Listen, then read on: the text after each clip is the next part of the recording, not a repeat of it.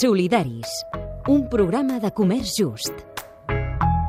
I ara ens n'anem cap a Itàlia, perquè allà, l'1 de maig, la primavera d'aquest any, es va inaugurar a Milà l'exposició universal amb un lema molt ambiciós, alimentar el planeta. I avui tanca les portes i la Marta Molina ens porta l'altra cara de la moneda, la veu dels que no se senten representats amb el model alimentari actual i que precisament promou aquesta exposició.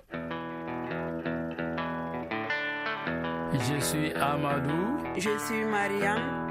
Ensemble, nous chantons cette chanson pour lutter contre la faim dans le monde.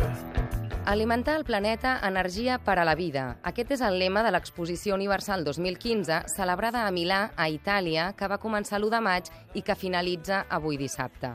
Més de 800 milions de persones pateixen desnutrició crònica en un planeta on l'any 2050 s'espera que siguem 9.000 milions. Serà possible erradicar la fam a la Terra durant el segle XXI? Es poden produir aliments nutritius i suficients per a tots sense destruir el medi ambient? Aquestes són les grans preguntes que 145 països i 3 organitzacions internacionals havien de respondre en 6 mesos. Ni més ni menys que els grans reptes de la humanitat, la fam, la desnutrició, la seguretat alimentària i l'agricultura sostenible. El lema escollit per la Expo promou una noble causa, però que no ha estat exempta de polèmica des dels seus inicis.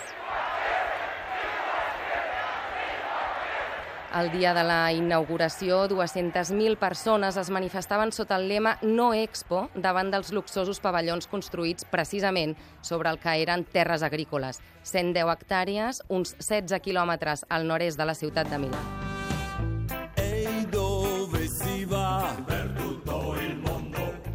D'altres col·lectius, com Via Campesina, van decidir celebrar l'Expo del Poble, també a Milà, i desvelar què hi ha darrere de les empreses patrocinadores d'aquesta Expo, com Coca-Cola o McDonald's. Segons Andrea Ferrante, coordinador europeu de Via Campesina, el que es pretén des de l'Expo de Milano és justificar el model agrícola agroindustrial. Con este título han utilizado un tema demasiado importante como alimentar el mundo con un modelo agrícola que no tiene ninguna sustentabilidad y con un modelo agrícola agroindustrial que es uno de los problemas más importantes del cambio climático para justificar este modelo. Esa es la cosa más increíble. Podría haber eh, los más grandes transnacionales como Nestlé, como la Monsanto, que tenía su espacio. En el mismo tiempo los campesinos no estaban,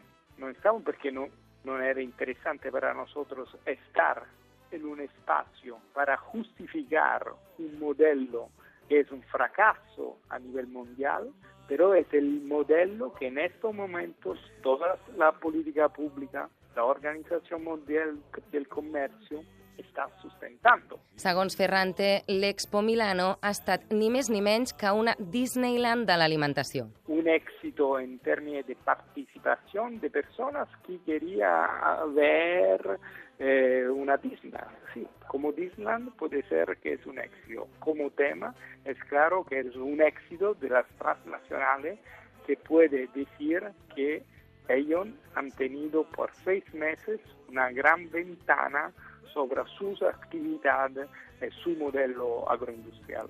Andrea Ferrante i Via Campesina creuen que les respostes per a la sobirania alimentària són al camp i no en l'agroindústria. La agricultura familiar campesina e indígena es la que alimenta el mundo hoy, son datos oficiales.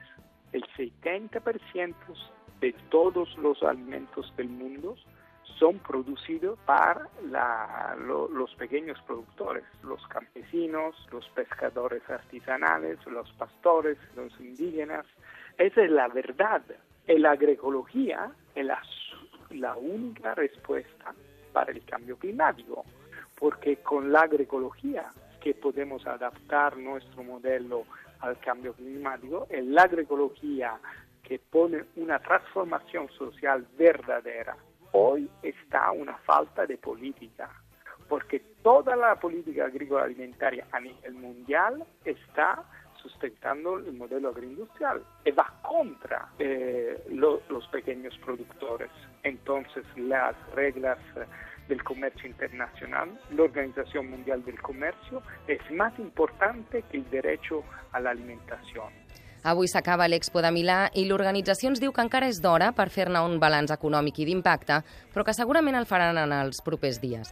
Ens comenten que l'objectiu ha estat deixar un llegat de camins comuns i nous per fer front als desafiaments del nou mil·lenni, però la periodista Esther Vives, experta en polítiques agroalimentàries, no pensa el mateix darrere l'Expo de Milà, en definitiva, el que trobem és el capitalisme verd i el capitalisme alimentari, que un cop més vol fer negoci de situacions dramàtiques com és el canvi climàtic i, i la fama al món. El que veiem és com les grans empreses energètiques i de l'agroindústria bàsicament es vesteixen de, de verd per seguir fent negoci eh, a costa de la desigualtat eh, a, escala, a escala global. Luttons contre la faim dans le monde. Donnons à manger à ceux qui n'en ont pas. Luttons aussi contre la malnutrition L'Expo de Milano ha estat àmpliament qüestionada pels moviments que estan en contra de l'agroindústria com a solució per acabar amb la fam al món i continuen fent pressió als governs locals i europeus per assolir un model diferent basat en una alimentació solidària i sostenible. Gustavo Duc és coordinador de la revista Sobirania Alimentària i ens parla d'un pacte de compromís de varis ajuntaments al món que va en aquesta direcció. Ara farà 15 dies, per la ciutat de Barcelona, jo crec que és una qüestió molt important, Ada Colau, amb 100 alcaldes més de tot el planeta, van signar un pacte de compromís de desenvolupar a cadascuna de les seves ciutats polítiques alimentàries municipals que normalment no existeixen per protegir o per entendre l'agricultura i l'alimentació des d'aquesta perspectiva de sostenibilitat i afegint també, molt important, de solidaritat. Intentar recolzar la nostra pagesia, la pagesia de prop, la pagesia que treballa a petita escala, la pagesia que treballa amb ecològic, que finalment és el més solidari amb les altres pagesies d'arreu de, del món. Preservons l'avenir de nos enfants. Les enfants, c'est le futur. Solidaris. Para-t'hi a pensar.